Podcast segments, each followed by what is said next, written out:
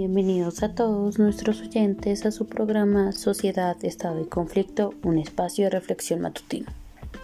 El tema del día de hoy corresponde al conflicto que se ha buscado dirimir en Escocia y que ha convocado a la mayoría de países del mundo.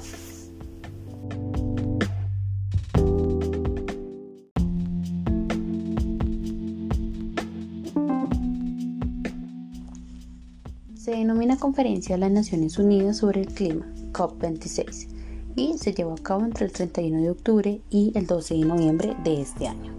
La COP26 debió haberse llevado a cabo en noviembre del 2020, no obstante se programó para este año debido a cuestiones del COVID-19. La COP26 debió haberse llevado a cabo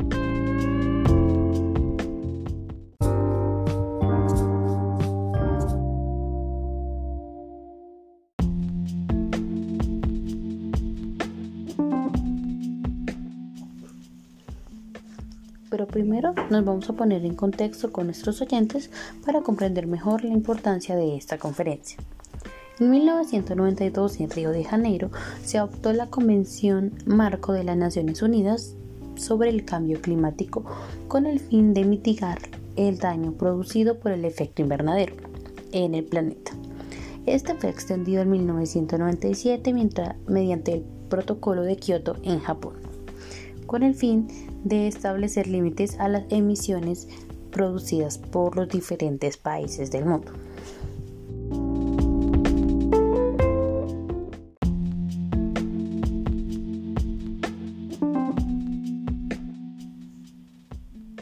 Hoy el reto es tomar las medidas contundentes para frenar los efectos del cambio climático, ya que éste se encuentra amenazando a numerosas especies del mundo, entre ellas la humana debido al aumento descontrolado de las temperaturas en el planeta y la extinción de la tercera parte de mamíferos del mundo, además de los niveles alarmantes de muertes y desplazamientos de personas por los desastres naturales que se han generado por el calentamiento global.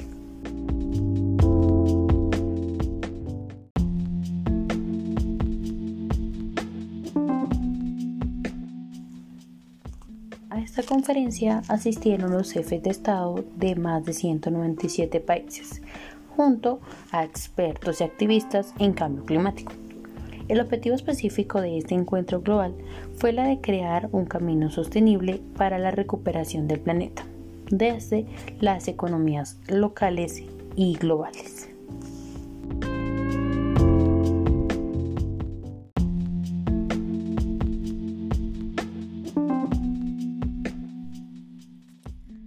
Cumbre, el presidente Duque se ha proyectado como un líder ambiental y destaca en su propuesta llamada la Estrategia Climática de Largo Plazo de Colombia E 2050, construida en los últimos meses, la cual comprende puntos como la ruta para hacer carbono neutro a 2050 y declarar el 30% del territorio colombiano bajo alguna figura de protección para 2022.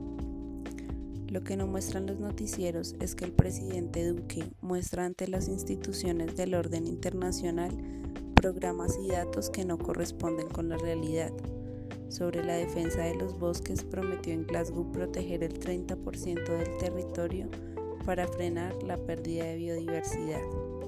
Pero los líderes de la COP26 desconocen que en la Amazonía colombiana se destruyeron en el 2020 171.685 hectáreas de bosque.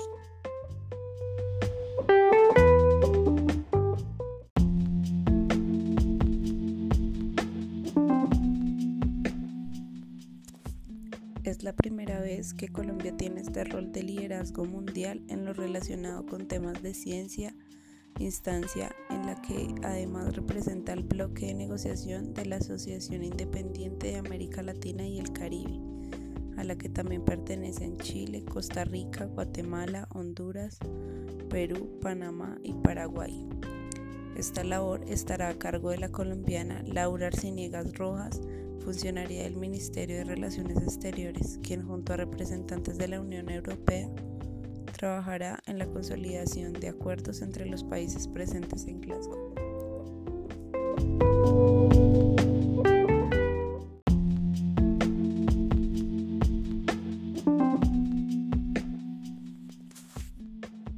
Colombia fue escogida para liderar las negociaciones de balance mundial.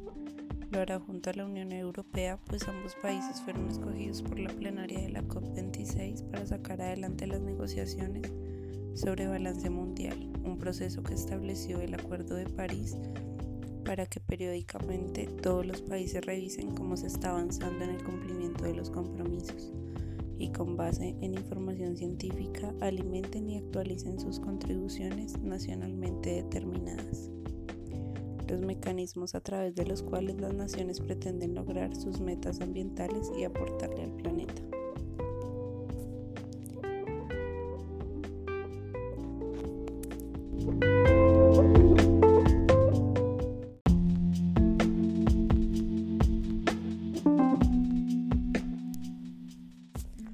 ¿De qué se trata el Acuerdo de París?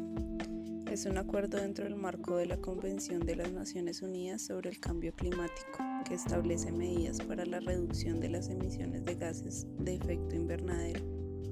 El acuerdo busca mantener el aumento de la temperatura global promedio por debajo de los 2 grados centígrados, por encima de los niveles preindustriales y perseguir esfuerzos para limitar el aumento a 1.5 grados centígrados reconociendo que esto reduciría significativamente los riesgos y efectos del cambio climático.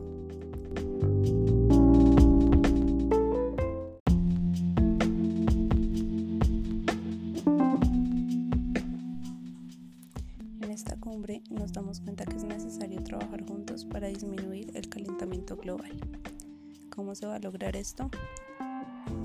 Primero, se deben aprobar planes de acción climática en todos y cada uno de los países para reducir significativamente las emisiones para el 2030 y alcanzar cero neto a mediados de este siglo y para apoyar la adaptación para hacer frente a las amenazas climáticas. Segundo, cada país debe construir un plan de pasos concretos para disminuir sus emisiones y poner en práctica estas acciones se plantean varios acuerdos importantes. Uno de ellos y el más importante es que más de 100 países se comprometen a proteger los bosques como pulmones verdes del mundo y poner fin a la deforestación para el 2030.